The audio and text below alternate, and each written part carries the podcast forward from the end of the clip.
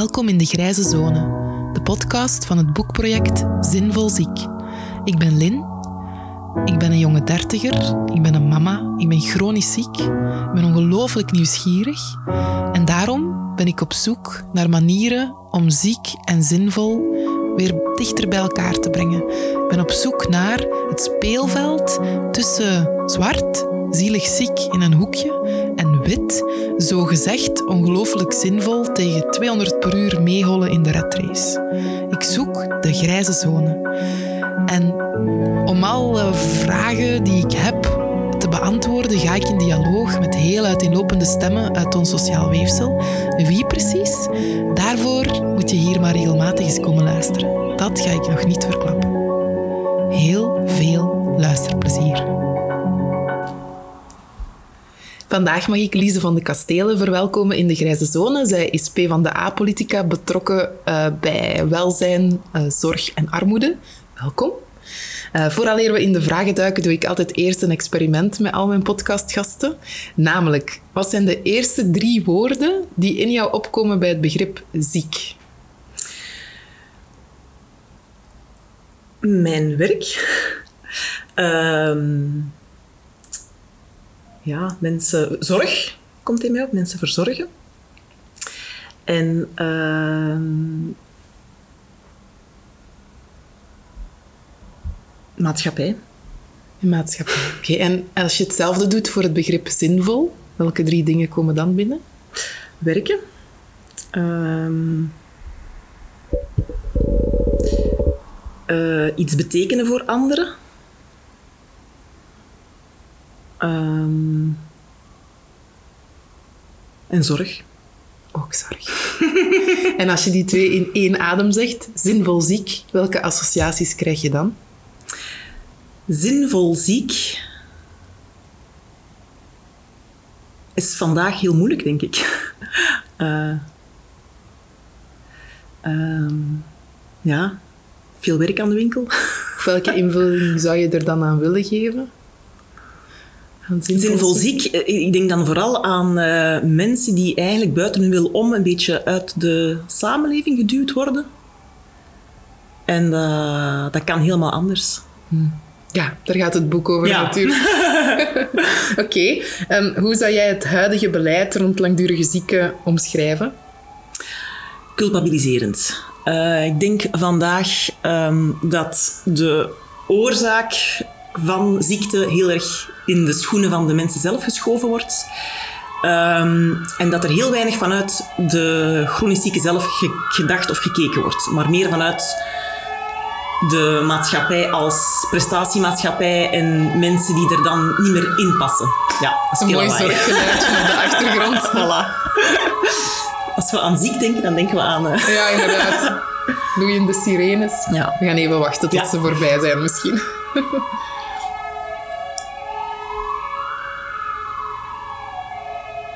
Oké. Ja, ik hoor daarin veel eigen schuld, dikke bult. Ja, absoluut. Ja. Absoluut. Ja. Oké. En um, wat zijn voor P van de A dan de belangrijkste waarden en de belangrijkste doelstellingen op korte termijn om daar iets aan te veranderen?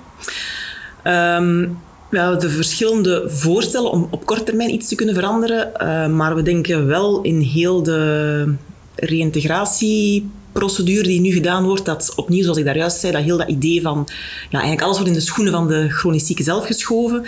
En wij willen um, dat de bedrijven zelf eigenlijk veel meer uh, verantwoordelijk gesteld worden dat zij echt moeten, dat in plaats dat de zieke moet bewijzen dat hij ziek is geworden van zijn werk, dat de werkgever moet bewijzen dat hij alles gedaan heeft om te vermijden dat iemand ziek zou vallen. En in plaats dat we allemaal controles sturen naar de mensen zelf, om te kijken of ze echt wel ziek zijn, zouden we veel meer controles moeten sturen naar de, naar de bedrijven, organisaties, uh, om te kijken of daar um, ja, gezondheid op het werk gegarandeerd wordt. En uh, werkt dat, die controles? Is vertrouwen misschien toch niet net een betere optie dan, dan nog meer controleren? Eender maar de bedrijven zelf...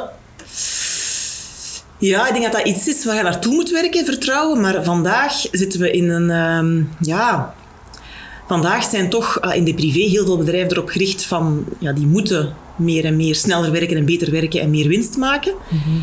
En uh, dat is vandaag de drijfveer. Ze kunnen ook vaak niet anders, want als ze niet genoeg winst maken, dan raken ze hun positie kwijt en, en, en dreigen ze failliet te gaan. Dus ze zitten ook in die wedloop van meer en meer winst maken. Dus vandaag um, ja, past dat niet in dat systeem. Vandaag denk ik wel dat je eerst heel hard gaat moeten controleren en moeten wetten opleggen.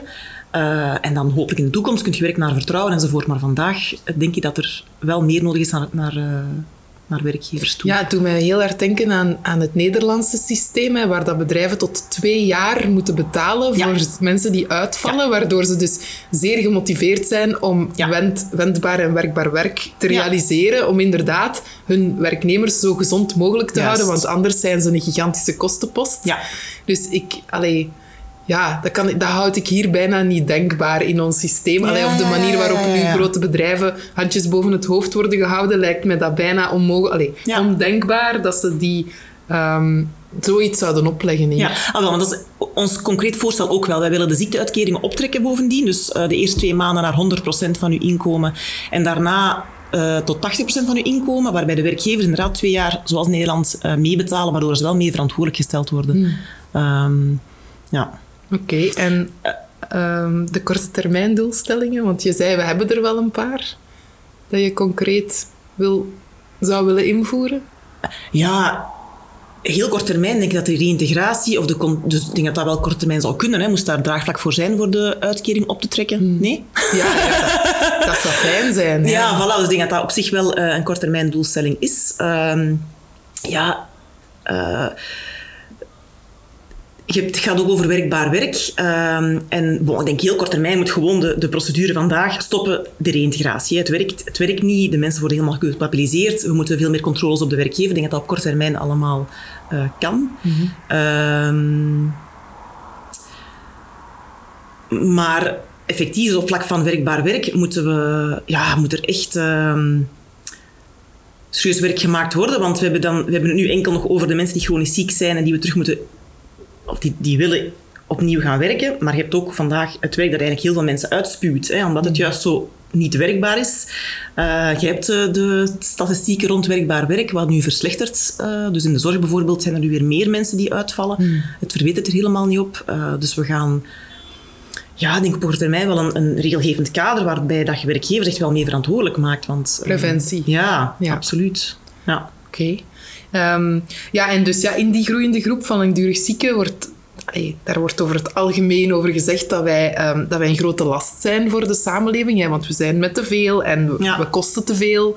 Um, maar ja, ons allemaal terug zo snel mogelijk in die red race duwen lijkt duidelijk niet de juiste oplossing nee. te zijn. dus waar zie jij voor de politiek nog mogelijkheden om actie te ondernemen? En dan denk ik inderdaad aan bijvoorbeeld mentaal welzijn, aan preventie, aan communicatiestroomlijnen. Hoe zie je daar... Um, ja, wat kan het beleid daar doen? Ja, ik, wat ik in het algemeen wil zeggen is dat we echt moeten proberen die, die shift te maken. En dat moet ook op korte termijn de shift te maken van uh, wie is er verantwoordelijk wel. Hè? Dus ik denk effectief, nu komt het heel erg op de mensen zelf terecht. En die shift moeten we echt wel maken van ja, dit is een, allee, dit, je kunt niet meer... Je, je, kunt er niet meer blind voor zijn dat er een structureel, een structureel probleem is. Hmm. Dat het niet de mensen zijn die niet uh, goed genoeg mee kunnen. Hè. Um, maar um, dus in die zin denken wij bijvoorbeeld aan een... Um, we zijn eigenlijk voor de structurele inpassing van een 30-urenweek. Mm -hmm. Voor iedereen met loonsbehoud. dat klinkt misschien ook heel ja, op heel lange termijn voor de meeste mensen. Maar eigenlijk zien we bijvoorbeeld in Finland zijn ze met projecten bezig rond 30 uur week.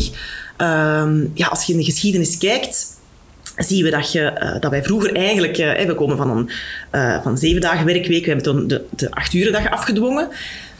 En sindsdien zie je de winsten alleen maar stijgen. Mm. Um, en je zou dan denken, ja, als er meer en meer winst gemaakt wordt, als we meer productief zijn, dan is het logisch dat eigenlijk de werkduur mee zou verminderen. Hmm. Want we zijn veel productiever. Hmm. Maar wat zien we? Wij blijven 40 uur werken per week en heel veel mensen krijgen het nauwelijks rond en heel veel mensen stappen uit de ratrace. Um, maar de bedrijfswinsten blijven gewoon rustig, rustig stijgen. Mhm. Dus eigenlijk zou je op korte termijn bijvoorbeeld bij overheidsdiensten een proefproject rond 30 uur week kunnen invoeren en kijken wat daar de gevolgen van zijn. En we zien uh, bijvoorbeeld in, uh, het is toch juist Finland, hè? Ja, het is Finland. Ja, Finland hè? Zes, uh, zes, zie, zes werken. Ja, we zien eigenlijk dat daar dat, dat, dat, dat zelfs uh, beter is. Zowel voor de patiënten, het is een ziekenhuis waar ze dat gedaan hebben, denk ik, dat proefproject. Uh, beter voor de patiënten en voor de, het personeel. Mm. En je hebt minder ziekte. Dus dat is eigenlijk op korte termijn uh, iets aan kunnen, zou kunnen werken om het dan uit te breiden naar, naar de rest van de maatschappij. Ja, maar je zegt verantwoordelijkheid durven ja. benoemen. Ja. En uiteraard werkgevers en, en beleid. Maar dan denk ik, wat dat heel vaak onbesproken blijft, is dat wij naast ons werk, mm -hmm. dat wij onze dagen ook echt propvol steken. Ja. dus, ja. Want burn-out is nooit alleen door, door werkomstandigheden, is heel vaak door al, al de rest dat er nog bij komt, de combinatie van beide. Ja. Dus dan, allee, dat, dat is geen populair standpunt, maar dan denk ik dat we toch allee, als individu mm-hmm. toch ook wel eens moeten kijken van moet ik al die dingen eigenlijk effectief wel gaan doen? Mm-hmm. Kan het... Allee, bedoel, en dat, dat, is wel eigen aan de mens. Hè. Daar zijn heel veel denkers het over eens. Wij zijn een rusteloos mm-hmm. uh, ras, om het zo te zeggen. En wij blijven, allee, wij blijven ons... Uh, wij, blijven onszelf uitdagen. Dus op zich daar niks verkeerd mee. Maar ik denk dat veel mensen nu juist... Um, daar echt verloren in lopen in die combinatie. Hè. Dus dan moeten we misschien toch ook ja, daar het naar durven kijken. Ja, ja maar ik denk dat dat...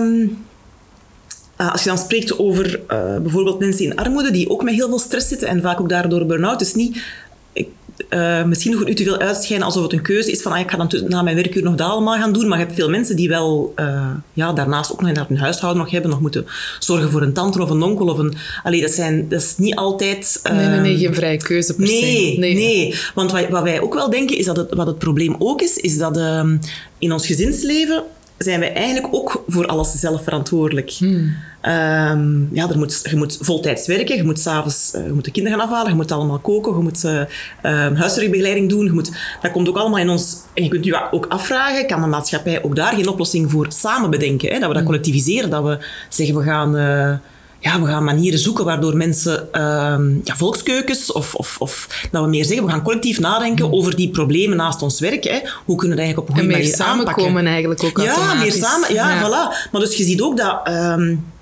ja, ik vind een voorbeeld met, met school of met de vakanties. Hè. Iedereen gaat nu voor zijn eigen apart, s'avonds na het werk, uh, heel de vakantie proberen in elkaar steken. Hè. Iedereen moet dat doen. Mm -hmm. uh, acht weken zien, uh, grootouders op iedereen proberen beroep doen dan denk je van ja, dat is toch redelijk inefficiënt bovendien, hè, dat we dat mm. allemaal apart uh, proberen doen. Dus dat is, ik denk ook in ons leven buiten het werk, um, ja, dat we veel meer moeten gaan kijken naar hoe dat we dingen samen kunnen aanpakken, waardoor het een minder grote last wordt mm -hmm. voor, voor heel veel mensen. Ja, waardoor ehm, eenzaamheid ook gewoon veel, ook ineens al. ook veel minder een probleem ja, zou zijn. Ja, ik denk ook, het is ook, ja, absoluut, ja. ja. ja. en het is een, vind ik een beetje een probleem dat de overheid daar zich niet uh, geappelleerd voelt. Hmm. Uh, nee. Ja, ze, ze, moeten het maar oplossen. Uh, hè, en als jij nee, inderdaad, niet de juiste crash vindt voor je kind en dat, is, en dat is op dat uur gesloten en je hebt geen ander gevonden, ja, dan moet jij oplossen dat je wel een andere crash vindt of dat je iemand kunt inschakelen die dan op uit je kind gaat halen. Hmm. Dus dat wordt allemaal heel... En je moet blij zijn dat je een crash hebt gevonden. En ja, ook dat is, wordt allemaal heel vrijgelaten nu met de, ook de privatisering van de crashes. Ja, hmm. ja en ook natuurlijk... ik ben zelf ook een jonge mama. Um, ja ik heb bij mijn tweede kindje bijvoorbeeld wel gekozen om een jaar thuis te blijven. En daar, mijn, daar zie ik dan mijn ziekte een beetje als een chance. Want ik heb dat daardoor wel kunnen doen. Hè, omdat, ik, omdat ik mijn onderneming op een laag pitje kon houden. En mijn invaliditeitsuitkering een soort is mijn basisinkomen. Het zou gerust wat hoger mogen zijn, maar ik, allee, ik, zie dat, ik zie dat wel als mijn basisinkomen. Maar dat jaar, allee, ik, die hechting is zo belangrijk dat ik... Alleen ik hmm. zie ook heel veel mensen rond mij die zoiets hebben van kon ik maar een jaar bij mijn kind blijven, maar het gaat niet. En dat uitbesteden van... Ehm, van die zorg, allee, het blijkt soms toch wel heel problematisch te mhm, zijn. Mhm, Zeker in, mhm. in, in de ontwikkeling van kinderen vaak. Uh, alleen daar, ja, daar komen wel heel veel problemen. Want ik denk dat de groei van, uh, van, van psychosociale stoornissen daar toch ook wel iets mee te maken ja, hebben. Juist wel. dat wij, dat wij allemaal zo van hier naar daar worden gesleurd en kinderen worden gedropt en dan weer daar en dan weer daar. En dat er eigenlijk geen... Um, ja, zo echt het warme nest, ja. dat, dat, dat, dat vaak gewoon niet kan, omdat wij allemaal... Ja ja. Ehm, ja. ja. en dat heeft ook allemaal een beetje te maken met het, uh, opnieuw met dat maatschappijmodel, waarbij eigenlijk in heel ons maatschappelijk leven staat winst centraal. Hè? Mm. Dus je ziet langs de ene kant dat bedrijven uh, mensen alsmaar harder doen werken, omdat er meer winst moet gemaakt worden omdat ze ook niet anders kunnen, hè, want anders uh, worden ze wegconcurreerd of zoiets. Hè. En langs de andere kant dat de overheid steeds meer en meer zegt, we gaan steun geven aan de grote bedrijven, want ze zouden weg kunnen gaan of ze hebben het nodig. Hè. Ehm, en daardoor gaat de overheid heel veel besparen op al de zorg. Mm, en al- ja. De kindercrashes bijvoorbeeld. Hè. Ja, wij vinden eigenlijk, er moet veel meer geld naartoe gaan. Er zou op kleinschalige modellen, ehm, dicht bij de mensen thuis, dicht bij de werk, het werkstad, dat je kunt zeggen van, zie, ik ga wel werken, maar ik geef wel nog borstvoeding in de crash hier op mijn werk. Hè. Of, of dat je het als vrouw ook gemakkelijk kunt combineren, wat je ook wilt doen, hoe lang dat je ook wilt thuis zijn. Ja. Maar dus dat jij, ja, dat een overheid eigenlijk ook, ehm, en dat is wel hetgeen wat wij willen omkeren, hè. wij willen echt wel zeggen van, ehm, we moeten stoppen met enkel en alleen te denken in functie van de, van de bedrijven En de winst. en de winsten. Ja. Eh, ten eerste, wat we heel snel kunnen doen, is stoppen met al die cadeaus aan de grote bedrijven. Dat is ongelooflijk. En het aanpakken van de grote fiscale fraude. Dat levert miljarden op als je dat combineert. Hè. Ehm, we zijn ook voor miljonairstax, waardoor dat je ehm, dus de grootste vermogens, hè, de, boven de 1,5 miljoen euro vermogen, eh, belast op 2%. Eh, Daar gaan die geen boterham minder voor eten, maar het brengt wel heel erg veel geld op. En dat je dat geld snel investeert in eh, zorg, in uh, optrekken van de inkomens in, uh, enzovoort. Dus dat is eigenlijk ons plan, waarbij dat je effectief ook in die zorg uh, ja, mensen kunt ontlasten en een betere zorg kunt voorzien. Ja, maar je zegt zorg, maar hè, bezuinigingen zijn er ook net op heel veel andere vlakken waar mensen normaal verbinding vinden met elkaar. Hè? Cultuur, buurthuizen, Ja, absoluut. uh, straathoekwerk, Ja, noem maar op. Dus absoluut. Het is, ja, het is echt heel bizar om van op een afstand ja, naar te kijken ja, als burger ja, en te zien zo van ja, maar enerzijds wordt er geroepen er is een eenzaamheidsepidemie, wat moeten we daarmee doen? En langs de andere kant worden eigenlijk alle uh, plaatsen waar mensen makkelijk laagdrempelig kunnen samenkomen, Ja. worden die juist duurder gemaakt. Ja, Want binnenkort, ja, kan me niet voorstellen wat een concertticketje binnenkort gaat kosten aan dit tempo van bezuinigingen natuurlijk. Hè? Dus het, is, het hangt wel allemaal samen. Ja. Ehm, Er was een heel interessante opinie van eh, Furia, eh, die eh, ook sprak van eh, waarom nemen we in onze hele begrotingsdiscussie niet het, het ehm, ze noemen het welzijn, of hoe noemen ze het? Centraal. Hè? Van, in plaats van te kijken hoe gaan wij die begroting best op orde krijgen, hoe gaan we het welzijn van de mensen best op orde Menselijk krijgen. kapitaal. Menselijk kapitaal, ja. Ja. Dus in allee, ja, ik vind dat, ik vind dat ongelooflijk dat, dat, eh, dat we zo eh, in de- vervreemden bijna of, of van onze natuur. Want ik onthoud ook altijd, ehm, was een debat op Manifesta met ehm, Dirk de Wachter, die eigenlijk ook zei van als hij bekijkt naar zijn leven en naar zijn patiënten die hij gezien heeft, halen mensen het meest voldoening uit eh goede dingen doen, uit zorgen voor Kleine elkaar. goede, ja. ja. En, en daar krijgen wij... Ja, daar krijgen wij geen tijd meer voor. Nee, hè. nee, Wij- klopt. Ja, voilà. Ja, ja, en het wordt ook ik, niet ja. gehonoreerd. Nee, nee, nee. Eh, Er was, eh, ik denk met de overgang van oud op nieuw, eh, had Humo een heel interessant duo-gesprek gelanceerd hè, van Dirk de Wachter en Paul Verhagen. Ah, ik gemist. Ah. Zeker lezen. En daar, ik vind het echt een prachtige metafoor, daar omschrijft hij onze, onze maatschappij als een speedboot en die heet Tina. There is no alternative. Absoluut. En hij omschrijft hoe de, hoe de top, de mensen aan de top eh, van voor op die speedboot staan met van die magnum flessen champagne en, en mooie vrouwen. En van achter, Ja. eh, omdat er geen omheining meer is, maar dat zien ze van voor niet, vallen de mensen eraf Ja, en moeten de, eh, moeten de zorgverleners, de psychiaters, de, in rubberbootjes achter de speedboot aan om, om de mensen, eh, de drenkelingen ehm, erin te, te trekken. Maar ze, ze kunnen het niet bolwerken. Er zijn Mhm. er te veel. Ehm, en hij zegt ook, zolang dat die speedboot niet vertraagt, komen we er niet. Mhm. Eh, dus dat, allee, dat is wel interessant. En tegelijkertijd heb je dan denkers die zeggen, ja, vertragen, allemaal mooi en wel, maar ik geloof daar niet echt in. Ik geloof niet dat wij kunnen vertragen, ook niet als mens, omdat Mhm. wij gewoon zo rusteloos zijn. Omdat wij altijd zullen zoeken naar een manier Mhm. om onze grenzen te verleggen. Dus ik denk dat het... ehm allee, dat is heel nieuwsgierig. Allee, daar ben ik heel nieuwsgierig Mhm. naar. Van, ja, is het... Is de, is de systeemkritiek terecht? Of Mhm. moeten we toch een. Allee, het, het is heel interessant, maar het, is, het, allee, het zit op alle niveaus. Zowel in Mhm. beleid als op individueel niveau kun je die vragen stellen. Mhm. Ehm, maar ik zag ook dat jij eh, dokter bent bij Geneeskunde Ja. voor het Volk. Dus ik, kan je daar iets over vertellen? Hoe werkt dat? Ja, dus Geneeskunde voor het Volk is een huisartsenpraktijk. Ehm, en we hebben er zo elf over heel België. Dat is eh, in de jaren 70 opgericht door het PvdA. Ehm, en eh, dus wij, wij werken aan een forfaitair systeem. Dat wil zeggen dat mensen zich eigenlijk inschrijven in onze praktijk. Eh, en dan geven wij kosteloze zorg, omdat wij per ingeschreven patiënt rechtstreeks betaald worden door de mutualiteit. Oké. wat geweldig dus een is. maandelijks inkomen eigenlijk, een vast Ja, ik inkomen. ben gewoon bediende. Ja, ja. Ja. Alle mensen zijn gewoon bedienden. We hebben ondertussen naast huisartsen ook verpleegkundigen, een psycholoog, een diëtiste, Mhm. een onthaal natuurlijk, eh, een administratie. En we worden allemaal gewoon als bediende betaald. Ehm, en ja, je kunt dus eigenlijk, allee, je moet je niks meer aantrekken van geld of financiën. Dat is Niet per een prestatie. heerlijkheid. Ja, voilà, Nee, niet per prestatie. zalig, Ehm, werken. En daarnaast, eh, dus dat vinden wij belangrijk eigenlijk, hè, dat de gezondheid, allee, mag Dus niet afhangen van de dikte van je port- Nee, nee, Nee, nee. dus nee, gewoon- nee, gewoon een nee, Mensen komen gewoon zonder geld op raadpleging gaan, zonder geld naar huis. Allee, Ik bedoel dus, hè, dus Ja. er is niks, allee, je moet geen centen mee hebben. Oké. Ehm, eh, want want wij vinden gewoon dat gezondheid niet mag afhangen van je dikte van je portemonnee. Dat Nee. eigenlijk gezondheidszorg is een basisrecht. Ja, je moet iedereen gewoon krijgen. Hè. Mhm. En eh, wij vinden zelfs dat de rijkste mens in België gratis gezondheidszorg mag krijgen. Hè. Mhm. Ehm, en dat dat eigenlijk betaald wordt via ons eh, lastingsgeld, Ja. waar, waar de, de sterkste schouders de zwaarste lasten dragen.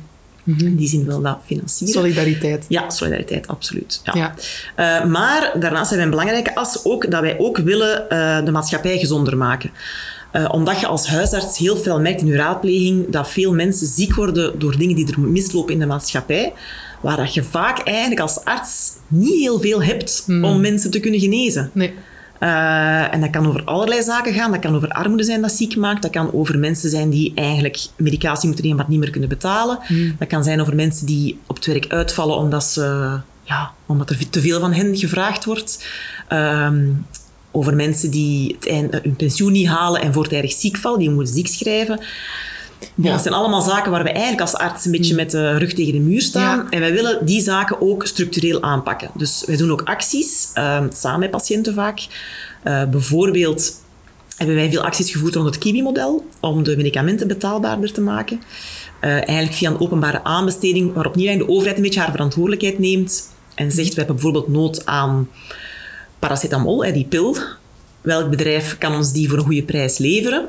Dan koopt de overheid die in en dan betekent dat eigenlijk dat paracetamol ja, echt eh, Quasi gaat decimeren. Ja, voilà. Dus eh, we zien dat in Nederland eigenlijk doet Kruidvat dat op kleine... Allee, dus Ja, ja, ja. Dat is perfect mogelijk. Hè. Eh, maar bijvoorbeeld ook rond de chronisch zieken, de aanval op de chronisch zieken, hebben wij acties ondernomen. Op het moment dat heel de reïntegratieprocedure er kwam, dat wij ook echt merkten dat, dat, dat die reïntegratieprocedure eerder leidde tot ontslag zonder eh, ontslagvergoeding, in plaats dat dat iets opbracht. Eh, dus daar hebben wij ook acties en, en, en opinies rond geschreven. Ja. Ehm, ja. Maar daar zijn allee, de, de officieuze reïntegratietrajecten die verlopen veel beter natuurlijk. Hè? Of, via, via, of die die door GTB Vlaanderen worden georganiseerd. Ik heb eh, Luc Ja. Horen spreken op een, eh, op een symposium rond reïntegratie. En ja, ik was heel aangenaam verrast. Ja. Eh, ook het feit dat die ehm, echt gaan voor empowerment en dat die dat ehm, krachttrajecten Ja. noemen, waarbij ze gaan kijken van oké, wat kan jij wel nog en niet, wat kan jij niet meer. Ja. Eh, dus dat ze, en, en dat hij ook zegt van, het zou perfect moeten mogelijk zijn dat iemand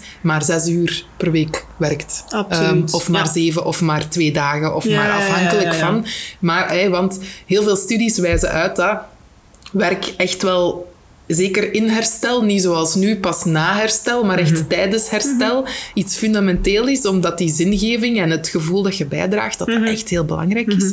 Ehm, maar even terug naar, naar eh, geneeskunde voor het volk, doet mij heel hard denken aan wat de Ridder voorstelt. Mhm. hè. Die is heel lang topman van RISIF geweest, maar daarvoor ook eh, kabinet eh, Frank van den Broeken, als ik me niet vergis. Dus echt een gezondheidsexpert. Ja. Ehm, die ons hele gezondheidszorgsysteem eigenlijk wilt buitensmijten en van nul beginnen. Alleen niet van nul, want er, er loopt al wat van alles. Hè. Er zijn al ehm, wijkgezondheidscentra en wat jullie doen loopt eigenlijk een beetje parallel. Maar die roept op voor een ehm, geïntegreerde totaalzorg op buurtniveau. Mhm. En eigenlijk van daaruit op een persoonsniveau. Hè, zoals jij zegt, van, wij Mhm. staan als dokter met onze rug tegen de muur als iemand met eerder maatschappelijke problemen zit. Maar in dan dat model van Rieder Ridder zouden er gewoon maatschappelijk werkers Mhm. in het buurtteam zitten. Waardoor als iemand problemen heeft met huisvesting, met een moeilijke huisbaas, met papierwerk, dat er eigenlijk gewoon bij wijze van spreken de deur naast de huisarts iemand zit die daarmee kan helpen. En dat er eigenlijk geen drempels zijn. Ehm, en ook een forfaitair systeem. Ook voor die maatschappelijk werker. Dus die zou dan net zoals de dokter een maandelijks loon krijgen en niet afhankelijk zijn van de grillen van ministers die bezuinigen zoals het nu eigenlijk is. Hoe kijk jij daarnaar? Ja, daar zijn wij, dat wij zelf al als voorstel gedaan. Dat we, we willen sowieso, Genees voor het Volk, eigenlijk ehm, is een van de eisen dat, in, ehm, dat iedereen toegang heeft tot een wijkgezondheidscentrum. Eh, dus dat dat voor iedereen toegankelijk is. Ehm, En op korte termijn willen we ook zeggen dat de mensen uh, volledig, volledig terugbetaald worden. Hè. Uh, dus dat, je zou dat al heel snel kunnen invoeren eigenlijk, dat iedereen gratis naar de huisarts kan. Mm -hmm. Maar op termijn denken we inderdaad dat je een model moet hebben waarbij iedereen naar een wijkgezondheidscentrum kan gaan, waar er inderdaad ook meer hulp voorzien is. Hè. Sowieso is vandaag een probleem dat mensen met sociale problemen het bos door de bomen niet zien. Dus dat je dat integreert, dat je mensen de kans geeft om ja, naar een huisarts te gaan in de buurt, gratis. En dat je dan inderdaad meteen naar de maatschappelijke werker kunt gaan.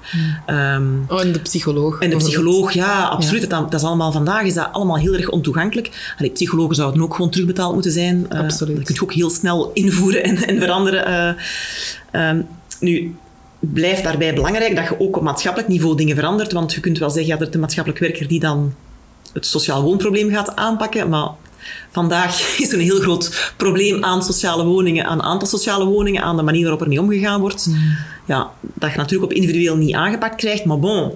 Je hebt uh, het politiserend sociaal werk dat effectief ook vanuit die vaststelling van in mijn wijk zijn er ineens heel veel mensen die, ja, die met problemen zitten met een sociaal woonwijk. We gaan dat samen aanpakken. We gaan uh, de overheid aanspreken. We gaan dit soort acties voeren. Dat is eigenlijk ook politiserend sociaal werk. Dus dat zou uh, ja, heel goed zijn, moest dat uh, bereikbaar zijn voor iedereen. Nu ja, er zijn natuurlijk ook veel um, van onderuit initiatieven naar wonen en samenwonen en ja. co-housing en zo. Ik denk dat... Mij lijkt het al fijn als een overheid dat gewoon zou stimuleren en, en dat zou ondersteunen. Ook al, ook al is ja. het niet per se met heel veel fondsen, maar bijvoorbeeld met leegstand, met, allee, ja. dat, er, dat er expertise zou worden geboden aan, aan... Want ik geloof wel in een, in een mooie samenwerking tussen privé-initiatieven en overheid, want allee, overheid kan ook niet alles.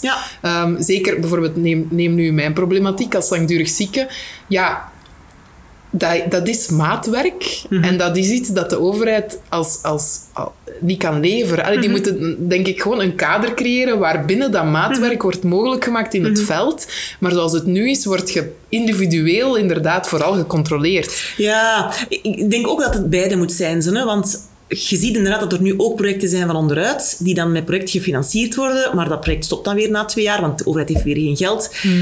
Dus het moet natuurlijk beide zijn. Ik denk rond ja, rond de woonproblematiek, ook daar trekt de overheid zich volledig terug.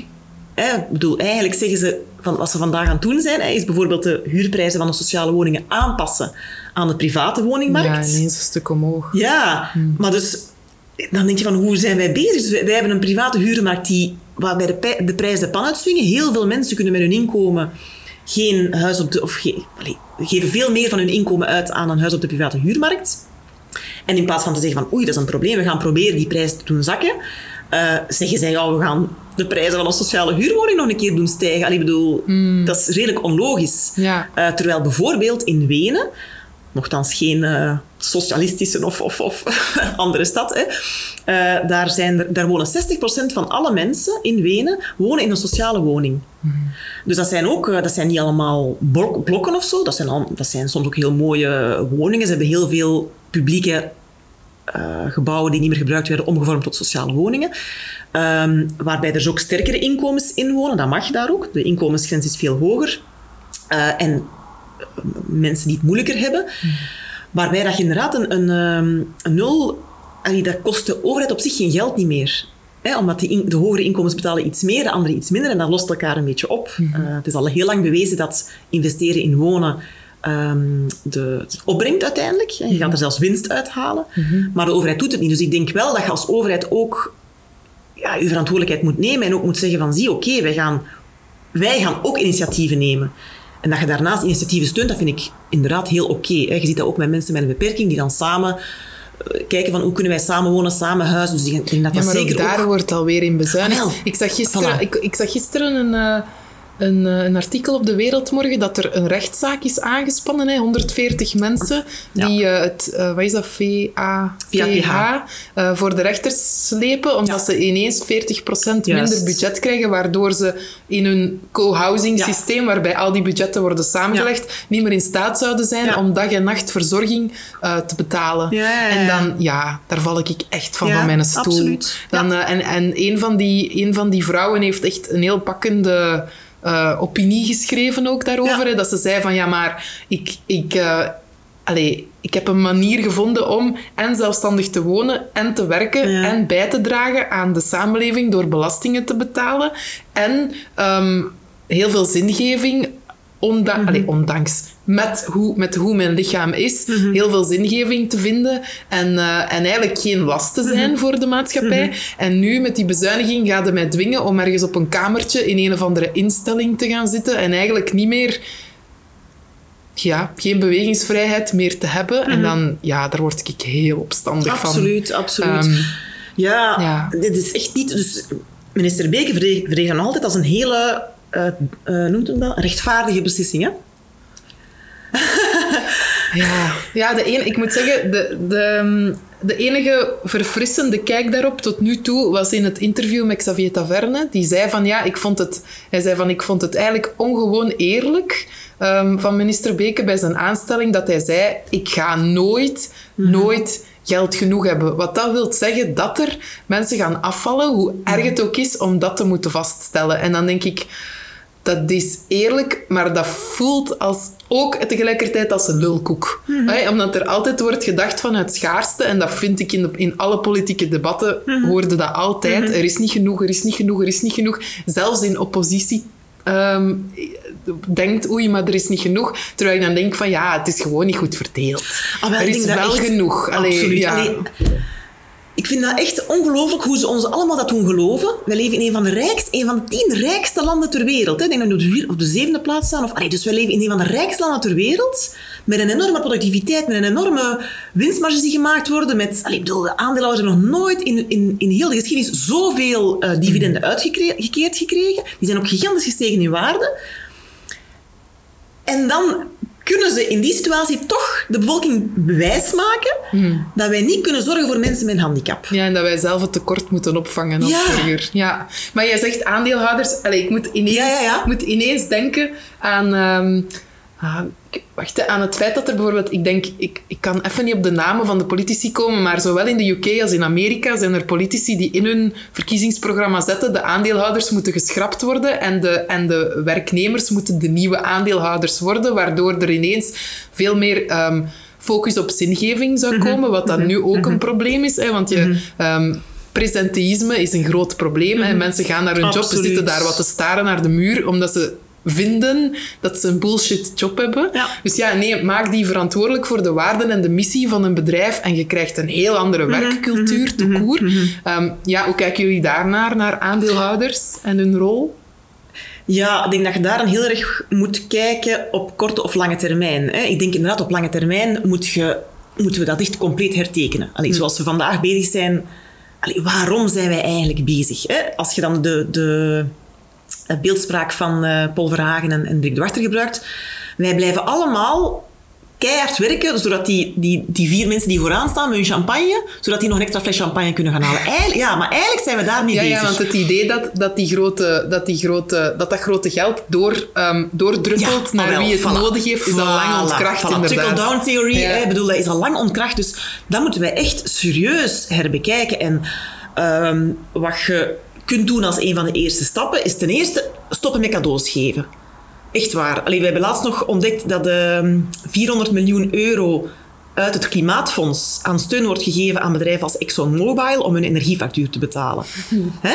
We hebben dat in het parlement aangebracht, dat dat niet kan reactie van de meerderheid is... "Oh, ja, en dan, en dan gaan die bedrijven allemaal weglopen, of wat? Dus jullie zijn tegen de werkstelling. Ehm, hè, als wij die, dus als wij die cadeaus niet geven, dat, dat is, dan bekijken ze ons allemaal als vreemde, e- vreemde eenden in de bijt. Want "Oh, wij gaan die cadeaus hen ontzeggen. En dus eh, dan is het een complete ramp. Want dan gaat elk bedrijf hier gaan lopen. Dan, eh, Maar er zijn enkel- toch andere kansen voor tewerkstelling? ja, ah wel. Ik Ja. Heb, allee, we moeten echt goed nadenken. Ik zeg tegen de mensen. Ik maak soms de... Is misschien een beetje bij de haar getrokken, maar de link met, de, met kinderarbeid. Hè. Dus op een gegeven moment werkten nog kinderen in onze fabrieken. En wij hebben gezegd van, zie, dat kan eigenlijk niet meer. Hè. Er kwam protest, er waren veel kinderen die, die omkwamen tijdens het werk. Allee, is gewoon... Eh, ook dan werd er gezegd, maar ja, al onze buurlanden die doen ook kinderarbeid. Hè. Als wij het hier afschaffen in België, ja, dan gaan natuurlijk al de bedrijven naar Frankrijk gaan. Hè, want daar is er wel nog kinderarbeid. Dus hoe ver moeten wij, hoe ver moeten wij gaan, zodat we zeker zijn dat er geen enkel bedrijf zou naar het buitenland gaan? Hè, moeten wij echt plat op onze buik gaan liggen en zeggen van, ja, eigenlijk... goh, Maar dat is toch dat schaarste denken dat dan weer boven komt. Ja. absoluut. Hè? En dus, ik denk echt, we moeten hier... ehm, we moeten stoppen met cadeaus geven. Hè? Dat gaat al heel veel geld op- opbrengen. Ehm, een vermogensbelasting eh, ehm, eh, instellen, waardoor er ook veel geld gaat vrijkomen. Ehm, ik denk dat dat stap nummer één is. Stap nummer twee kan zijn dat je bijvoorbeeld zegt, hè, als mij Engie Electra bellen, en, en vroeger was dat een, een eh, openbare maatschappij, die is helemaal geprivatiseerd en ondertussen maken die gigantische, wi- gigantische winsten. Kun je zeggen van oké, als die niet willen naar onze normen, dan doen wij, zelf, dan doen wij dat zelf weer. Hè. Dan maken wij zelf weer een openbaar eh, energiebedrijf en nemen dat zelf in handen. En dan moet, dat moet geen winst maken. Nee, energie is gewoon een noodzaak voor iedereen. Dus maken wij een publiek bedrijf dat energie voorziet. Ah ja, bedoel, dan doen we het gewoon zelf als maatschappij. Een Hè? supergroepsaankoop. Bij- Ja, ja, ja, maar ja, zelfs niet. Want je zegt Ah, ja, zelfs, nee, je doet het eigenlijk gewoon nationaliseren van u, zoals het vroeger was. We hadden vroeger ook een publieke bank, Hmm. een openbare bank, we hadden een openbare energieleverancier. We hadden bepaalde levensnoodzakelijke goederen. Kunt je je afvragen, ja, moeten we dat allemaal uitbesteden aan bedrijven? Het kost ons veel geld. En, ik bedoel, Engie Electrabel heeft geen enkele euro belastingen betaald. Hè? Allee, dus... Ja, daar, die cijfers, daar ken ik natuurlijk helemaal niks over. Nee, nee, nee, nee, nee, nee, nee, nee, maar dat is bijvoorbeeld ook interessant om te kijken. Als je dan spreekt over de cadeaus aan de grote bedrijven, die zijn echt redelijk straf. Hè? Eh, Dus er zijn grote bedrijven. We maken elke jaar de lijst bekend van de 100 eh, meest winstgevende bedrijven die het minst belastingen betalen. En die betalen letterlijk minder belasting als jij en ik, hè? als je het in euro's bekijkt. Hè? Allee, dus gewoon, dat is hallucinant. Allemaal uit... Ja, Oké. Ja, ik vind het super boeiend, maar Ja, ik, voilà, sorry. even. Nee, nee, nee, nee. Dus, Ja. ja, dat, dat is belangrijk, Om het want het te hangt hebben, allemaal Voilà. samen. Hè? Voilà, ja. Nee, maar ehm, ehm, iets totaal anders. Ja. Ehm, voor langdurig zieken, dat hoor je heel vaak, hè, is, is onbegrip echt een van de pijnlijkste bijwerkingen. Hoe denk je dat we dat als samenleving kunnen aanpakken? Ik, we hebben bijvoorbeeld rond, eh, in ons programma rond mensen met beperking willen wij een... Ik, denk dat we die meer...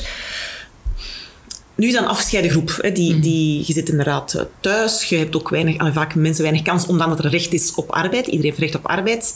Zien veel mensen met chronische ziekte of met een beperking de kans niet om te gaan werken. Dus ik denk wel dat we dat veel meer moeten... ehm, moeten tegengaan. En bijvoorbeeld mensen met beperking zeggen wij dat er quota moeten zijn in de overheidsbedrijven, waardoor mensen al meer op de werkvoer kunnen, kunnen te werk gesteld worden.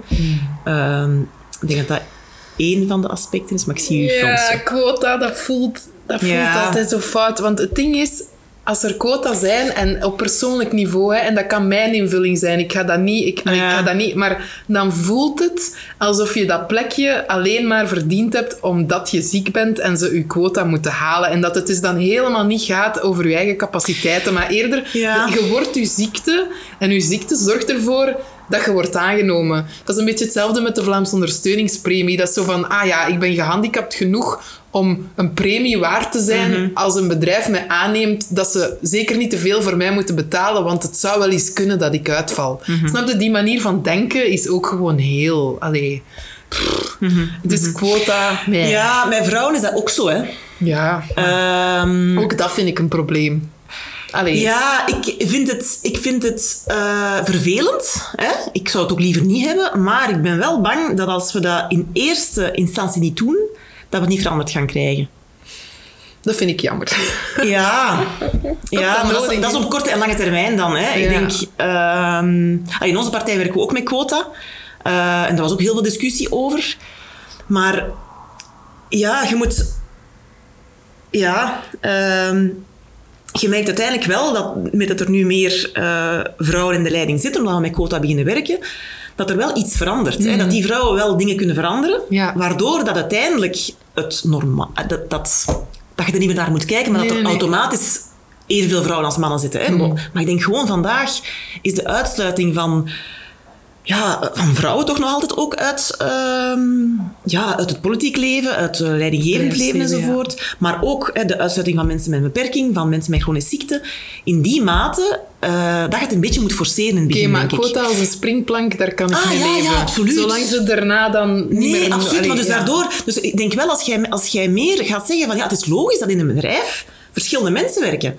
Hè, met hun verschillende capaciteit. En dan gaan mensen misschien ook meer waarderen. Dat, allee, bedoel, snap je? Of dan gaat het ook logischer zijn. Oké, maar ja, dan, Ehm, dan is er, maar- als, als je quota wilt opleggen voor mensen met een beperking en met chronische ziekte, dan moet je ook weer al mogelijk maken dat alles toegankelijk is. Wat dan Ja. nu ook een wel. gigantisch probleem Ah, wel, maar is. dus- Ja. Voilà. maar je kunt daardoor wel forceren dat op korte termijn die veranderingen er komen. Hmm.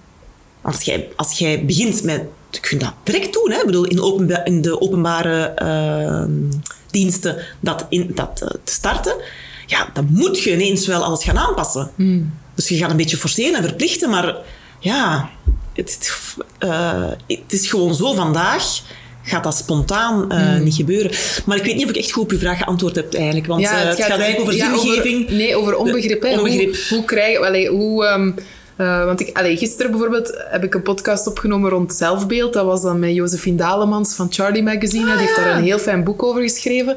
En daar, ehm, daarin ging het over... Allee, ik denk dat het ook in het, in het boek van Paul Verhagen over normaliteit en andere afwijkingen Absoluut. gaat het daar ook over. Hè, dat een vis die geboren wordt in het water en daar heel zijn leven in leeft, niet weet wat water is. Ja. Dus dat gezonde mensen Ja. omdat ze hun gezond lichaam zo vanzelfsprekend vinden, niet, zich niet, letterlijk niet kunnen inbeelden hoe het is om die vanzelfsprekendheden te verliezen of om ineens schaakmat gezet te worden door je gezondheid. Dus dat er vanuit dat niet weten heel erg veel onbegrip groeit en het feit dat mensen met een handicap, mensen met langdurige ziekte, ook niet of amper getoond worden in cultuur, in media, in, hangt daar ook allemaal mee samen. De beeldvorming Ja, ja, voilà. is heel erg bijna onbestaand. Ja, en als ze ja, er al is, is ze negatief. Dus hoe kan de politiek daar iets in doen, denk je? Eh, ja, ik denk wel. Natuurlijk, het probleem is een dat beleid zelf ook zo handelt vandaag. Hè, dus daar moet je al mee stoppen, denk ik. Ehm, ja, heel beleid rond de chronisch zieken, eh, zoals ik het ervaar vandaag, dan word je gewoon, als er over chronisch zieken gesproken wordt, wordt er gesproken over hoe gaan we die activeren, hè, hoe gaan we die controleren, hoe, en dan wordt er nog gesproken over de fraudeurs die nog een keer hè, dan al, al vals ziek zijn. Ja, dan moet je ook wel stoppen als politiek met op die manier over de mensen te spreken. Ehm, maar bijvoorbeeld, moet je nu zeggen, van, we gaan starten met quota. Dat zou wel een heel andere invalshoek zijn, want dan ga je spreken over... het Ook in de politiek? Want ik zie in de politiek toch ook maar weinig... eh, Nee, absoluut. Ah, ja, maar ja, dat zou moeten, hè? Nee, absoluut. Zeker weten. Eh, dan, als je zou beginnen spreken over we gaan in onze openbare instelling eh, quota hanteren, dan ga je misschien al een heel positiever beeld krijgen van zie, we gaan hier aanpassingen doen of we gaan hier weet ik veel van, van we gaan nadenken over ehm, die mensen positief bekijken. Ehm, Ja, want bijvoorbeeld in een dienst als VDAB... Ik, dat zou zo verfrissend zijn als de, als de loopbaanbegeleider daar iemand is die weet Absoluut. hoe je langdurig ziekte combineert. Ja, voilà, ervaringsdeskundige. Ja, ja. Maar nu, allee, ik ben er zelf één. Ik heb ook al de nodige opleidingen gevolgd om mondig Ah, te wel. zijn en assertief te zijn in, in, in die context. Ehm, en enerzijds, allee, dat heb ik al in heel veel podcasts aangehaald, helemaal pro-vrijwilligerswerk en, en de kracht van lotgenotencontact, dat is gigantisch. Maar zoals het nu is, is het altijd, zet de zieke bij de zieke, dat is lekker veilig. En dan eh, heeft, de heeft de gezonde wereld daar geen last van. Zet ze maar braaf samen. Maar ja, allee, ik vind dat vanuit die ervaringsdeskundigheid er best wel wat jobs gecreëerd kunnen worden, Ah, eh, waar dan nu grote Je kunt gaten je ook vallen. quota opleggen. Hè? We willen zo, Ja. per, bij VDAB moet zoveel percentage ervaringsdeskundigen werken. Maar Allee, bijvoorbeeld, ja, hoe kijk, allee, dat dat is ook een vraag. Hè. Hoe, Ja? hoe kijk jij naar jobcrafting of baanboetseren? Want dat zou een voorbeeld kunnen zijn. Mensen die vanuit invaliditeit een eigen job mogen kneden, in plaats van dat er aan ons gekneed wordt om in het huidige systeem te passen, zou het veel beter zijn dat, er, dat wij kunnen zeggen, kunnen aangeven van die job zou mij en veel zingeving geven, zou haalbaar zijn met mijn lichaam en het zou maatschappelijk ongelooflijk relevant zijn om mij vanuit mijn ervaring in deze functie te zetten. Ja, maar ik denk inderdaad, hè, in die zin moet je... ehm, we moeten echt uit dat idee gaan van de zieke moet zich aanpassen aan de... Wat ik vaak zeg tegen mensen bij mij in de raadpleging die uitvallen om een of andere reden, of die... Dan zeg ik van, wie is er eigenlijk ziek? Eh, Bent jij ziek? Of is de maatschappij ziek? Allee, is het normaal dat jij dat en dat moest doen en dat jij nog een keer daarbij en nog een keer ontslagen en nog een keer harder moest werken en nog een keer meer, meer werklood erbij enzovoort? Vind je dat eigenlijk normaal? En dan gaan daarnaast nog... Is dat, wie, wie is er eigenlijk... Wat is het probleem? Dat is inderdaad het verhaal van Paul Verhagen en Dirk de Wachter ook. Hè. Waar ligt het probleem?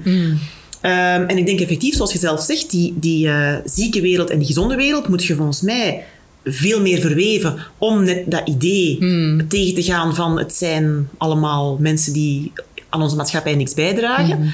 Eh, maar dat wil ook zeggen dat je veel harder moet gaan werken aan werkbaar werk. En dat je op vlak van werkbaar werk toch, en dan spreek ik toch over controles, over ehm, verplichte maatregelen die bedrijven moeten nemen om het werk werkbaarder te maken, over experimenten van 30 uur weken die je op termijn wilt uitbreiden naar iedereen. Ja. Dus die, die Ja, werkende wereld, die inderdaad. gezonde wereld, die alleen maar mensen uitspuwt, hè, ehm, daar moet ook echt iets veranderen. En dat kan ook wel als je begint met quota, zoals de juist ook zei, van dan dwingt je soms al wel, en je moet allebei doen, denk ik. Hè. Je moet enerzijds toch ah, langs werkgeverskant dingen gaan veranderen en verplichtingen opleggen. En anderzijds eh, quota opleggen, waardoor dat je ja, het voor iedereen Ja, gezonder maakt. In mijn ideale wereld zou die zes uur tussen gezond en niet gezond gewoon te koer weg zijn. Omdat, en ik noemde, in, allez, zeker in het kader van mijn boek, noem ik de zieken en iedereen die, eh, zowel mentaal als fysiek, noem ik ze de manke mensen. Waarin, allez, in, in mijn idee, iedereen toe behoort. Want niemand is 100% fysiek, mentaal, sociaal gezond. Mhm. Dus dan denk ik dat alle maatregelen die, en laat de zieken alsjeblieft een spiegel zijn daarvoor, maar dat alle maatregelen die genomen worden, dat die voor iedereen moeten Ja, zijn. En ja, dat ook, absoluut. dat ook de, de jonge vrouw ehm, met haar babytje kan kiezen om te, ze- om te zeggen van oké, ik, ik neem gas terug. Ik Mhm. ga nu eerst moederen, vol een bak, en dan ga ik terug naar mijn carrière als dat mijn ambitie tegen dan nog is. Maar Mhm. dat die ja, dat die flexibiliteit voor zieken en gezonden bestaat en dat zieken niet als een afwijking worden gezien. Of, of dat de afwijking terug in de samenleving mag gezien worden en dat dat kan. Ehm, ja. Maar wel, ik denk daarnaast ook wel, eh, als ik spreek over die 30 uur week, eh, denken wij ook van, zie, het is gewoon, allee, vandaag leven heel veel mensen om te werken. Hè, het is echt, allee, ehm, zeker bij de mensen met, met, met, eh, met eh, ehm, jobs waarbij dat je kort geschoold voor moet zijn, hè, ja, die moeten vaak heel veel en heel hard werken en hebben bijna geen leven meer daarbuiten, of gaan nog een keer bijwerken om nog bij te komen voor, voor een Om enzovoort. rond Dus- te komen ook gewoon. ja, voilà. Ehm, ik ben even helemaal mijn draad kwijt. Eh, waarom zeg ik dat?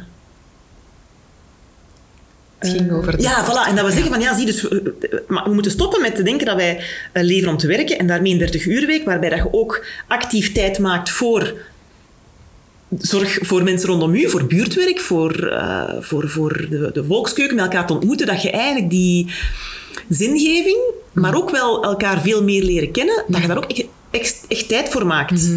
Zoals je daar juist zei, van er wordt bespaard op cultuur, eigenlijk op alle dingen die mensen bij elkaar brengen, wordt er bespaard. Ja, ook dat kan een manier zijn om mensen dichter bij elkaar te brengen en uw buur die invalide is, beter te leren kennen. En ehm, Nu ja, maar allemaal op ons eilandje, en dat heb ik ook al in een aantal podcasts aange- aangehaald, is natuurlijk wel gemakkelijk voor zij die het systeem in handen hebben. Want als wij ons niet verenigen, Voilà, dan komen we ook niet in protest. absoluut. Dus, ik, allee, Heel zeker. dus het is... Ja, Heel zeker. Heel voelt het toch? Absoluut. Ja, ja, Ja. zeker weten. Ja, nu met de personen met een handicap. Allee, ik vind, ik vind dat echt... ik- dus de, de meest zwakke mensen die effectief fysiek zelfs niet op straat kunnen komen om te protesteren. of die er niet geraken, want ze kunnen niet in de trein. Ja, ja, voilà. Ja, maar ja, dus dat is wel een realiteit, hè? ja, ja. Schrijnend inderdaad. maar- Ja, daar gaan we nu even op. En dat is eigenlijk... Dus zelfs, het is officieel geen besparing, maar een, eh, ver- verplaatsing van middelen tussen verschillende mensen met een handicap binnen een budgetneutraal kader. Waarvan we weten, Hmm. Het is gewoon te weinig budget. Ja. Ja. dat kan misschien wel zijn, maar er is meer budget nodig, punt. Eh, Hmm. En ja, nog even over die opmerking van daarjuist van minister Beke. Ja, sorry, maar dat- ik vind dat echt... Dat, eigenlijk kan dat niet. Allee. En in zijn wereld, in de manier waarop wij nu denken over samenleving... eh, zal dat waarschijnlijk wel realiteit zijn. Maar kom aan, dit is, dit, dat, dat kan. Allee, als dat zo zou zijn, dan moeten we er iets veranderen aan het systeem. Als jij echt zegt als, als minister van Welzijn... Ja, het is, eh, hoe zijn dat? Het is, een, eh, het is een moeilijke post. Ik zal nooit kunnen doen wat ik eigenlijk allemaal zou moeten doen. Ja, dan zijn we echt verkeerd bezig. En dan moeten we, zoals Furia zei, van het welzijn misschien centraler zetten. En net kijken van hoe we het dan wel, eh, wel krijgen. Want wat we wel, wat we wel kijken is hoe dat de bedrijven eh, gezond kunnen blijven en, en winst kunnen blijven maken. Dat vinden we wel geen probleem, dat is opgelost. Hè. Dat, dat lukt ons wel goed. Het andere, ja.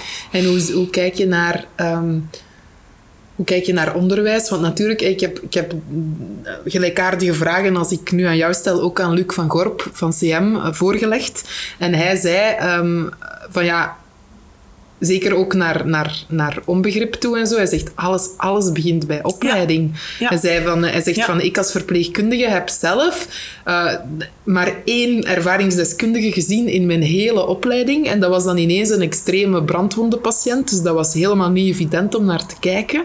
Hij zegt, en voor de rest waren dat alleen maar proffen en experten. Hè, Dus hij zei van, ja, daar begint het toch vaak al. Dat, dat de waarde van het verhaal van iemand die iets heeft Mhm. meegemaakt, dat dat nog onvoldoende wordt gezien. Zelfs vandaag, Mhm. hè, terwijl er al dure woorden zijn als patient expert. Hè, ehm, maar het wordt niet echt gebruikt. Mhm. Allee, buiten in de zieke wereld. Ehm, dus ja, Maar ik denk dat dat inderdaad gaat over diversiteit, hè, in al haar diversiteit.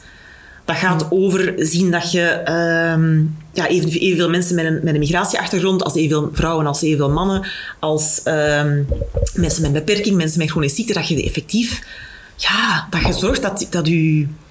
Ik vind elke openbare dienst, elke, inderdaad zeker in het onderwijs, dat dat, dat dat divers is, dat dat de diversiteit van de samenleving toont, Ja. in plaats van een heel deel van die samenleving weg te moffelen. Ja, en ik had ook ik had een heel concreet voorstel. Ja. Ik heb dat ook voorgelegd aan eh, minister De Blok, die Ja. daar eigenlijk positief op gereageerd heeft. Maar bijvoorbeeld het idee, en dat gaat dan ook weer over baanboetseren, maar dat ehm, heel concreet in het onderwijs, dat mensen die nu in invaliditeit vastzitten, die ongelooflijk veel kennis van zaken hebben, bijvoorbeeld, ik, ga, ik geef altijd het voorbeeld van de verpleegster die, neem nu door een ongeval of door, door iets als wat ik heb, als een reumaziekte, haar job niet meer kan doen, maar die bijvoorbeeld bakken ervaring heeft, die zou toch perfect één of twee dagen per week als leerkracht voor, voor de groep studenten kunnen gaan staan. En, en allee, we willen een inclusief onderwijs, maar de leerkrachten moeten wel kerngezond zijn en moeten wel 100% knallen. Absoluut. Ik begrijp dat Ja, niet. Eh, terwijl dat, ja, met die uurroosters kan flexibel worden Mhm. omgegaan. Allee, dan denk ik van ja, als, als wat nu één leerkracht is bijvoorbeeld, dat kan toch worden opgevuld door drie Mhm. mensen die elkaar aanvullen en die dan ook, net omdat ze dan één vak geven, samenkomen om het te bespreken, om hun ideeën te delen, waardoor de, de, de inhoud gewoon alleen al verrijkt wordt. Mhm. Dus er, er zit zoveel in... Allee, ja. Tuurlijk, tuurlijk, absoluut. En dan denk ik van ja, ik, allee, ik, ben, maar, ik ben maar een langdurig zieke. Hè. Ik zit met heel veel ideeën in mijn hoofd. Dus ik, ik ben heel dankbaar voor, eh, voor alle dialogen. Allee, voor de bereidheid die er ook is nu in het kader van het boek. Ehm, maar ja, ja het, voor mij lijkt dat zo logisch. Absoluut, Ehm, terwijl ja. dat, dat dan zo onmogelijk lijkt als je kijkt naar politieke debatten. Dus eh, ja. Ja, maar dat, zoals jij beschrijft, vertrekt dat, dat vertrekt echt van de mensen en van de noden van de mensen en van de capaciteiten van de mensen. En ja, van, vandaag is het meer, wordt er meer gekeken in functie van hoe kunnen we die inschakelen in. Hè? Hoe kunnen we die, is, die- is die goed genoeg om die in te schakelen in ons systeem, in ons ratrace eigenlijk. Hè? Ehm, want ik vind dat heel vaak met... Ik had nu laatst ook een, een, ehm, een mevrouw die poetsvrouw is, die komt uit, uit, uit een land in Latijns-Amerika. Ja, die heeft noodgedwongen, sinds dat ze hier gekomen en ze woont hier al zeker 20 jaar, is die poetsvrouw geweest, met dienstcheck, bij mensen thuis, heeft niet de kans gekregen naar het land om een opleiding. Ay, die vrouw heeft zoveel capaciteiten, ehm, maar, eh, maar bon, simpel al omdat ze veel kinderen heeft, heel hard moest werken, heeft ze eigenlijk nooit echt de taal goed kunnen leren. Waardoor ik denk van, alleen man, toch een vrouw met zoveel capaciteiten, met zoveel... Ja, en, en zij heeft dan nooit, zij heeft nooit de kans gehad om zelfs nog maar te zeggen, ik zou graag dit of ik zou graag dat of ik zou graag... Allee, ik bedoel... ehm, ja, we, we, we, we duwen de mensen allemaal in die systemen in plaats van naar de, naar de capaciteit van de mensen te kijken en te kijken van, zie, hoe kunnen we die op een best mogelijke manier inschakelen? Ja, hè? terwijl Eh, dat de wil er precies wel is om die shift te maken. Hè, Minister De Blok heeft ook letterlijk gezegd, we zijn in ons land 15 jaar te laat met de kanteling te maken van kijken van wat kan allemaal niet, naar kijken wat kan allemaal wel. En dan, dan zei ze ook van ja, e- eigenlijk kan niemand ehm, voor u als zieke beslissen hoe uw maatwerk er moet uitzien, dat kan je in theorie alleen maar zelf. En dan kom ik terug op dat idee van de overheid moet een kader creëren waarbinnen ongelooflijk veel speelruimte is om dat maatwerk te gaan creëren. En dat is... En in, in zo'n systeem zou het effectief kunnen als, als, als, als er minder gecontroleerd wordt, maar gewoon meer gefaciliteerd. En als de vrijheid komt van onderuit, dan kan dat volgens mij ook echt. Maar het is gewoon de... Ook als je vandaag aan de bedrijven geen voorwaarden oplegt om, om voor ontwerkbaar werk. En ik denk, ja. dat ik, hangt- ik ben een beetje bang, ik ben een beetje bang dat in, in het kader dat jij beschrijft, dat sterkere profielen en mensen die een hogere opleiding hebben gehad bijvoorbeeld, daar perfect in kunnen zelf zoeken hoe dat ze toch eh, kunnen functioneren. Maar ik ben dan wel ongerust over ehm, zwakkere profielen. Maar ja, het is en-en. Nee, Als je ja, dan, en- die, en, als je dan die ervaringsdeskundige mee in, in begeleidende rollen gaat Mhm. steken, dan, dan gaan er genoeg stemmen zijn om die die minder mondig zijn en zwak zijn, Mhm. om die te betrekken en die te ondersteunen, denk ik dan. Dus het is en, en, en, en, en, en, en. Mhm. En, en want ik denk dat je, allee, denk Ja. dat je echt... Allee, vandaag hebben bedrijven geen enkele, geen enkele voordeel met te zeggen, we gaan ons nu wat aanpassen. Hè, of we Oké, gaan... maar ja, ik allee, noem mij dan een hopeloze optimist, maar ik kan mij niet voorstellen dat, als het, allee, dat, er, dat er bedrijfsleiders zijn die ehm, tegen eh, gelukkigere werknemers zijn of tegen een grotere gelijkheid. Dat kan ik mij niet voorstellen. Ook al is de, ligt de drive op winst en zorgt dat ervoor dat je blind bent soms voor de menselijke kant. Maar ik denk dat we dat vertrouwen toch ook moeten geven. Dat heel veel mensen die... Allee, dat, dat zelfs de mensen aan de top, dat die toch ook niet blind allee, of dat, dat die toch ook baat zouden hebben bij een samenleving waarin veel grotere groep mensen het goed heeft. Allee, ja. Ik, ik denk dat op, op, eh, bij kleinere bedrijven zeker. Hè? Ehm, maar allee, ik, ja, als bijvoorbeeld een vrouw nu die, die eh, in een callcentrum werkt van... eh, ik denk dat ze voor, uiteindelijk voor Base belt. Nu haar eigenlijk werkgever is iemand anders. Hè? Maar als je hoort hoe- dat het werk daar georganiseerd wordt... Allee, dus alles is geminu geminutreerd. Hè, dus zij krijgt een telefoon binnen... Eh dat wordt dan getimed hoe lang ze daarmee bezig is. Eh, dan moet zij neerleggen en moet zij eigenlijk binnen de minuut een nieuwe persoon aan de lijn hebben op te bellen. Als zij binnen die minuut niemand heeft nieuw opgebeld, krijgt zij een telefoontje van een hoger kantoor om te vragen van zeg, wat bent u nu mee bezig? Want u had eigenlijk al een nieuwe persoon moeten, moeten opbellen. Eh, zij mag maar eh, zoveel keer naar het toilet gaan, wordt ook getimed, hoe lang dat ze aan het... Dus ja, Mm, Wauw. Ah, wel, dus ik, denk wel een beetje... Dus ik, vind de, Maar ja, de- dat hangt, hangt dat dan ook niet samen met wat dat wij verwachten. Want laat ons eerlijk zijn, als wij bellen naar een helpdesk, dan willen wij ook wel onmiddellijk ons probleem opgelost zien, zodat wij ook ons tempo kunnen aanhouden. Dus ik denk dat wij dat allemaal samen, dat systeem toch in stand houden. Want je hoort... Allee, ik bedoel, als je, als je te lang aan de wachtmuziek hangt, dan word je gewoon lastig van. Wij kunnen ook wel niet meer... Dus ik denk dat dat Maar dat gaat ook over verkopen van... eh, dat gaat nog niet enkel over hulp aan Ah, mensen geven. dus dat gaat zelfs ook nog over verkopen van diensten. Hè? Ah, van zo, als je mensen moet bellen enzovoort. Ja, ja, eh. ja, nee, dat- of, over, of over eh, abonnees die, die ze moet bellen om over te schakelen naar andere abonnementen enzovoort. Dus dat is zelfs niet allemaal... Hmm. Oh, ik vind het... Hoe komt het dat we dat ook... Dat is ook allemaal omdat dat met ti- tijd te maken heeft. Dus ik denk wel dat dat... En dat bedrijf dus bijvoorbeeld, ja, dat kijkt wel gewoon ja, naar de winstmarges. Ik Hmm. Maar denk ja, dat de- je... ja, er zijn En ook- Ik ja. denk gewoon ook dat... Alleen heel dat heel het idee over werkbaar werk, het wordt, ge- het wordt ge- gemeten, vind ik al positief. De self meta, het aantal werkbaar werk, dat verbetert niet. Ik denk toch dat we echt langs twee kanten moeten werken. Dat we ook moeten zeggen van, zie, wij willen ook die bedrijven mee verantwoordelijk Uiteraard. maken Ja, ja, ja. voor werkbaar werk. En, en, en, Maar ja, en- dat kan in dat groot kader ja, ja, absoluut. voorzien, Dus ik, hè. denk langs- Ja, ja, maar ik, wou gewoon zeggen, je moet echt langs twee kanten werken en je moet echt die werkgevers mee verantwoordelijk maken, want ik, allee, het, vanzelf gaat dat niet lukken. Net omdat, en bij kleinere bedrijven wel, hè, die, die misschien maar ja, grotere bedrijven, zoals die grote callcenters, zoals Maar ja, er zijn hoopgevende signalen. Hè? Allee, bedoel, en ik, ik trok ook grote ogen, maar bijvoorbeeld Xavier Taverne gaf dan het voorbeeld. Hij heeft heel veel gesprekken gemodereerd met bedrijfsleiders in West-Vlaanderen, waarbij, ik kom niet op de naam van het bedrijf Ja. nu, maar waarbij ehm, een bedrijfsleider nu heel zijn bedrijf heeft ingericht volgens Ikigai. Hè, dat, ja, en dus die is naar Compostela gewandeld. Heeft tijdens die ehm, ja, zingevende tocht, zal ik maar zeggen, heel veel inzichten gekregen. Heeft daarna zijn kader, zijn, zijn ook verplicht om die wandeltocht te gaan doen. En is daarna helemaal... Dus, ehm, en ik, wacht, hoe zei, hoe zei eh, Xavier?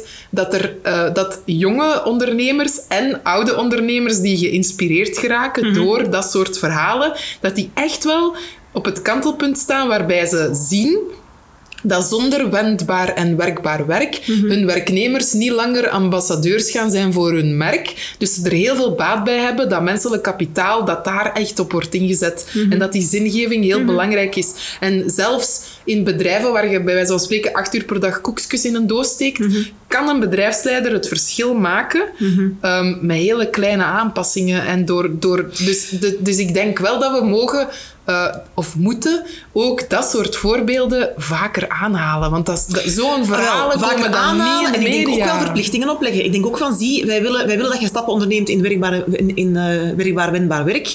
En dat, dat, dat kan zijn, en dan, dat je zegt van op zijn minst monitort of, of eh, kijkt van wat doen ze dan precies en welke stappen ondernemen ze, maar dat je wel een beetje een, ver- een verplichting oplegt. Want het absoluut, er zijn zeker eh, bedrijven die er wel naar kijken. Hè, en dat, effect, dat, het komt zelfs vaak beter uit, want mensen zijn gezonder, mensen worden, vallen minder uit.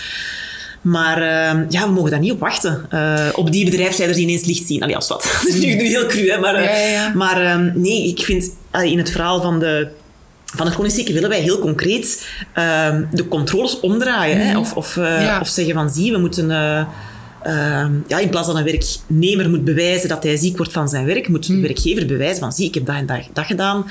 Eh, want Maar ik denk ook wel, allee, Ja. en dat, dat, heeft, dat, dat zegt dan professor Lode Goderis, die, Ja. je, misschien, die je ook wel kent, Ja. ehm, dat er vaak ook wel wordt voorbijgegaan aan het feit dat de angsten die bij de zieken leven, namelijk ga ik dat nog kunnen, ga ik terug uitvallen, Ehm, eh, wat gaan mijn collega's vinden, wat gaat mijn baas zeggen, dat diezelfde angsten, dat die ook leven bij de werkgever en bij de collega's van... eh, die, allee, ik bedoel, en Ja. als iemand een paar maanden uitge- uitvalt, dat er een nieuw status quo ontstaat, waarbij dat het, de, werk, de werkdruk van de persoon die is uitgevallen ondertussen herverdeeld is en er een soort nieuw evenwicht is ontstaan en in de thuissituatie van de zieke eigenlijk ook. En dat het heel moeilijk... Dus dat, dat een van de belangrijkste dingen is om zo snel mogelijk communicatie op te starten. Niet per se de druk van, jij moet terugkomen, maar de communicatie over hoe gaat het met jou? Hoe zie jij dat? Hoe zie jij je ehm, gezondheid? Hoe kijk jij daarnaar? En hoe zie jij ehm, een terugkeer? Wat is er haalbaar? Dat, die, dat die gesprekken, dat dat moet worden gefaciliteerd. En dat is nu ook niet het geval. Nee, en bovendien denken wij ook in die reintegratieperiode moet er ook een, een verplichting zijn van mensen wel halftijds of zes uur per week te starten, hè, waar, waarbij de werkgever nu perfect kan zeggen, ik wil dat niet. Hè, als we, dus. Ja, we hebben vaak problemen met patiënten die dan zeggen, ik wil wel graag terug gaan werken, eh, maar het gaat mij niet direct lukken, eh voltijds. Ik, misschien ook één dag in de week beginnen. Ja, een werkgever kan perfect zeggen, nee, dat willen wij niet. En dan sta je wel met je rug tegen de muur en kan die mensen niet werken. Dus ook daar denk ik dat we verplichtingen moeten uitwerken en zeggen van, zie, ja, het moet. Hè. Je, je moet als werkgever... eh, Ja. ja, jawel, jawel. Ja, Ah, ja. Maar het- dat is gewoon persoonlijk. Ik hou, ik, ik hou niet zo van regeltjes en begrenzingen. Ja, maar, maar- ik denk dat sensibiliseren daarin toch echt al heel veel zou doen. Allee, ik, ik denk dan, zet mij eens voor een volle aula met CEO's en laat, laat vanuit ervaringsdeskundigheid ook eens gewoon gesproken worden en niet altijd alleen vanuit de experts. Dat het kan binnendringen. Dat de, dat, de, dat de werkwilligheid, dat, de, dat dat er echt is bij zieken. Dat wij niet... Maar ik denk echt, dat Ja. is zoals met quota. Dat, dat is die ideale wereld. Hmm. Ehm, maar als we echt iets willen... Ver... Allee. Ja, ik vind het wel... Ja, we, we nemen ergens wel aan dat zieken worden gecontroleerd. Hmm. Maar niet dat die werkplaats wordt gecontroleerd. Dus ik, ik Ja, pas dat- op, qua gelijkheid vind ik dat prima. Ja, maar, en- gewoon, maar- en- ja, en- nog meer regeltjes. Ja, ik... Goh, Vandaag liggen alle regels wel bij de, bij de, bij de zwaksten. Hè? Hmm. Ehm, en ik denk gewoon, het, ik, ik zou graag hebben, dat zoals jij vertelt, dat dat, dat lukt. Hè? Maar ik ben, ik ben bang, juist door, die, door, door het systeem waarin wij leven, dat, eh, ja, dat het daar wel nodig zal zijn Hmm. dat we eerst toch meer ehm, wetgeving Ja, dan installeren. hopelijk als een iets tijdelijk, hè, Ah, ja, tot er een soort nieuw, Ja. nieuw normaal ontstaat, Nee, zal ik dan absoluut, maar maar zeggen. ga gewoon, je gaat een beetje moeten forceren, want het gaat niet vanzelf Nee. gebeuren. Niet met een paar tussenkomsten. Of, of, Nee, nee, nee dat Ehm, begrijp ik. ja. Oké, en als jij nog... ehm, Want bijvoorbeeld, als ik denk ook aan de, aan de poetsvrouw nu met de, de poetssector. Hè. Mhm. Ja, ook, oh, daar merk ik ook met, met patiënten, ja, als die niet meer mee kunnen, ehm, dan stopt het gewoon. Allee, dus er wordt geen... Ja, nee, het is... Ja. Ja, super boeiende materie. Kunnen we nog uren over praten, maar mensen hebben blijkbaar niet de aandacht om veel langer dan een uur naar een podcast te luisteren. En ik heb net op het klokje gekeken. dus ik zou willen afronden met jou de kans te geven om nog een persoonlijke boodschap ehm, over te brengen aan de langdurig zieken. En die zijn heel divers, maar als je ons iets... eh, nog mag meegeven, dat hoeft geen advies te zijn, maar gewoon iets dat je ons toewenst of iets dat je nog wil delen, is nu je kans. Nu mijn kans. Um, amai. Um, ja, ik denk dat dat misschien dat is wat ik, wat ik aan veel patiënten ook vertel. Van jezelf af te vragen van... Um, door het feit dat, je, dat er toch een idee is van... Ja, zieken die, die willen niet mee of die zijn een beetje... Die, ja, kunnen onze maatschappij niet veel bijbrengen.